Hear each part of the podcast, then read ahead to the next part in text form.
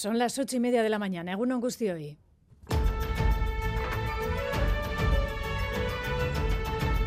Crónica de Euskadi con Aichiber Bilbao. We cannot save a burning planet via fire holes of fossil fuels. The science is clear.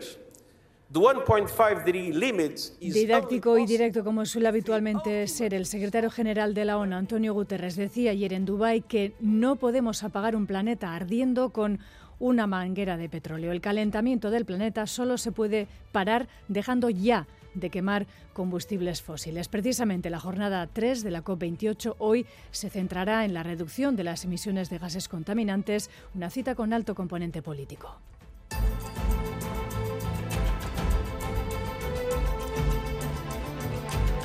Y ha regresado la, guerra a Gaza tras siete días de pausa y lo ha hecho de manera muy sangrienta. En las últimas horas, cerca de 200 palestinos han muerto en los ataques del ejército israelí, que confirma al mismo tiempo que Hamas ha asesinado a cinco rehenes de los más de 100 que aún retiene en el subsuelo de la ciudad. La esperanza de sus familias se agota con este recrudecimiento de la guerra, así como la de los propios palestinos. 8.000 niños y adolescentes han fallecido en casi dos meses de conflicto. Raimundo Vicente, director de Ayuda Humanitaria y Cooperación Internacional de Save the Children, anoche en Gambara han sucedido cosas que no había memoria, los médicos de los hospitales han tenido que acuñar un término para registrar niños eh, que no existían en, la, en la disciplina médica de urgencias, que son niños sin ningún familiar superviviente. Son niños que han perdido a toda su familia y no se sabe qué va a pasar con ellos. En el ámbito político, hoy se reúnen en Ginebra las delegaciones de Junts y el Partido Socialista Obrero Español con la mediación de la Fundación Agui Dunant de expertos en resolución de conflictos,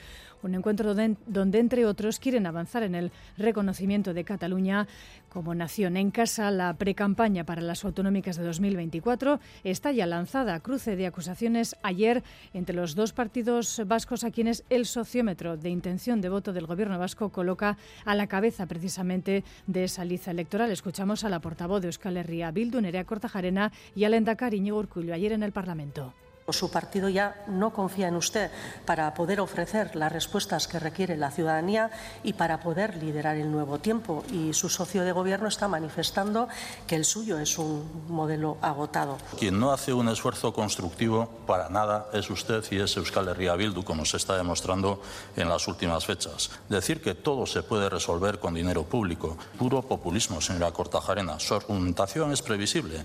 Extrae con lupa una serie de problemas que ocurren aquí y en todo el mundo. Los exagera y los agita. Avance ahora de la actualidad deportiva de la jornada. John Zubieta, Egunon. Egunon, empezamos hablando del encuentro que enfrentará a las 4 y cuarto en Samamés al Atlético ante el Rayo Vallecano, que está a seis puntos de los bilbaínos. Valverde podrá contar con Paredes, Yuri y Aduares. Y a las 9 el Sadar acoge el duelo entre Osasuna y la Real Sociedad. Los navarros cuentan con las bajas de Darco, Rubén Peña y Quique Barja. Los donostiarras solo con la de Carlos Fernández. Por lo que respecta al baloncesto, el Vasconia se midió anoche al Valencia en una nueva jornada de la Euroliga. Acabó ganando por 84-98. Además, el GBC se enfrenta hoy a domicilio al clavijo. En cuanto al mundo de la pelota, hoy hay una nueva jornada del campeonato del Mano Parejas. Tenemos a Lezcano Martija ante Pello Echeverría y Zabaleta en Lizarra. Ayer, Jaca y Mariz Currena se vieron las caras con Peña y Albisu. En Amorebieta la victoria correspondió a los primeros por 22-21. Y en balonmano, dos apuntes. El Anaitasuna se enfrentó a domicilio al Puente Genil con resultado de empate a 33 y además el Vidasoa se mide a las 8 y media en Artalecu al Huesca. Vamos ahora con el pronóstico del tiempo para las próximas horas. Saludamos a Nayara Barredo en Euskalmet. Egunon, Nayara. Egunon, hoy la jornada vendrá marcada por el frío y por la lluvia. Se producirán chubascos que en la vertiente cantábrica serán más frecuentes e intensos, sobre todo por la mañana y las temperaturas máximas descenderán, con valores que se quedarán por debajo o en el entorno de los 10 grados. Así la cota de nieve se situará entre los 1.000 y los 1.200 metros, de modo que en las cumbres más altas podremos ver algo de nieve. A lo largo de la tarde las precipitaciones irán a menos, la nubosidad tampoco será tan compacta y de cara a la noche remitirán por completo. Debido a que se abrirán claros a últimas horas, las temperaturas descenderán mucho y podrían bajar de los 0 grados en punto anterior. Por lo tanto, hoy hará frío y lloverá, aunque esas precipitaciones irán a menos a últimas horas. En carreteras, precaución en la Nacional 1, en Idiazábal, un camión averiado está ocupando el carril derecho a la altura de Chegarate, según informa el Departamento Vasco de Seguridad, y tengan precaución en carretera por la posible presencia de balsas de agua debido a la lluvia de estas eh, últimas horas.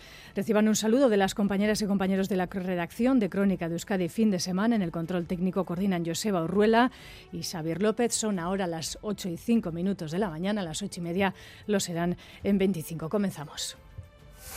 Crónica de Euskadi con Aichiber Bilbao.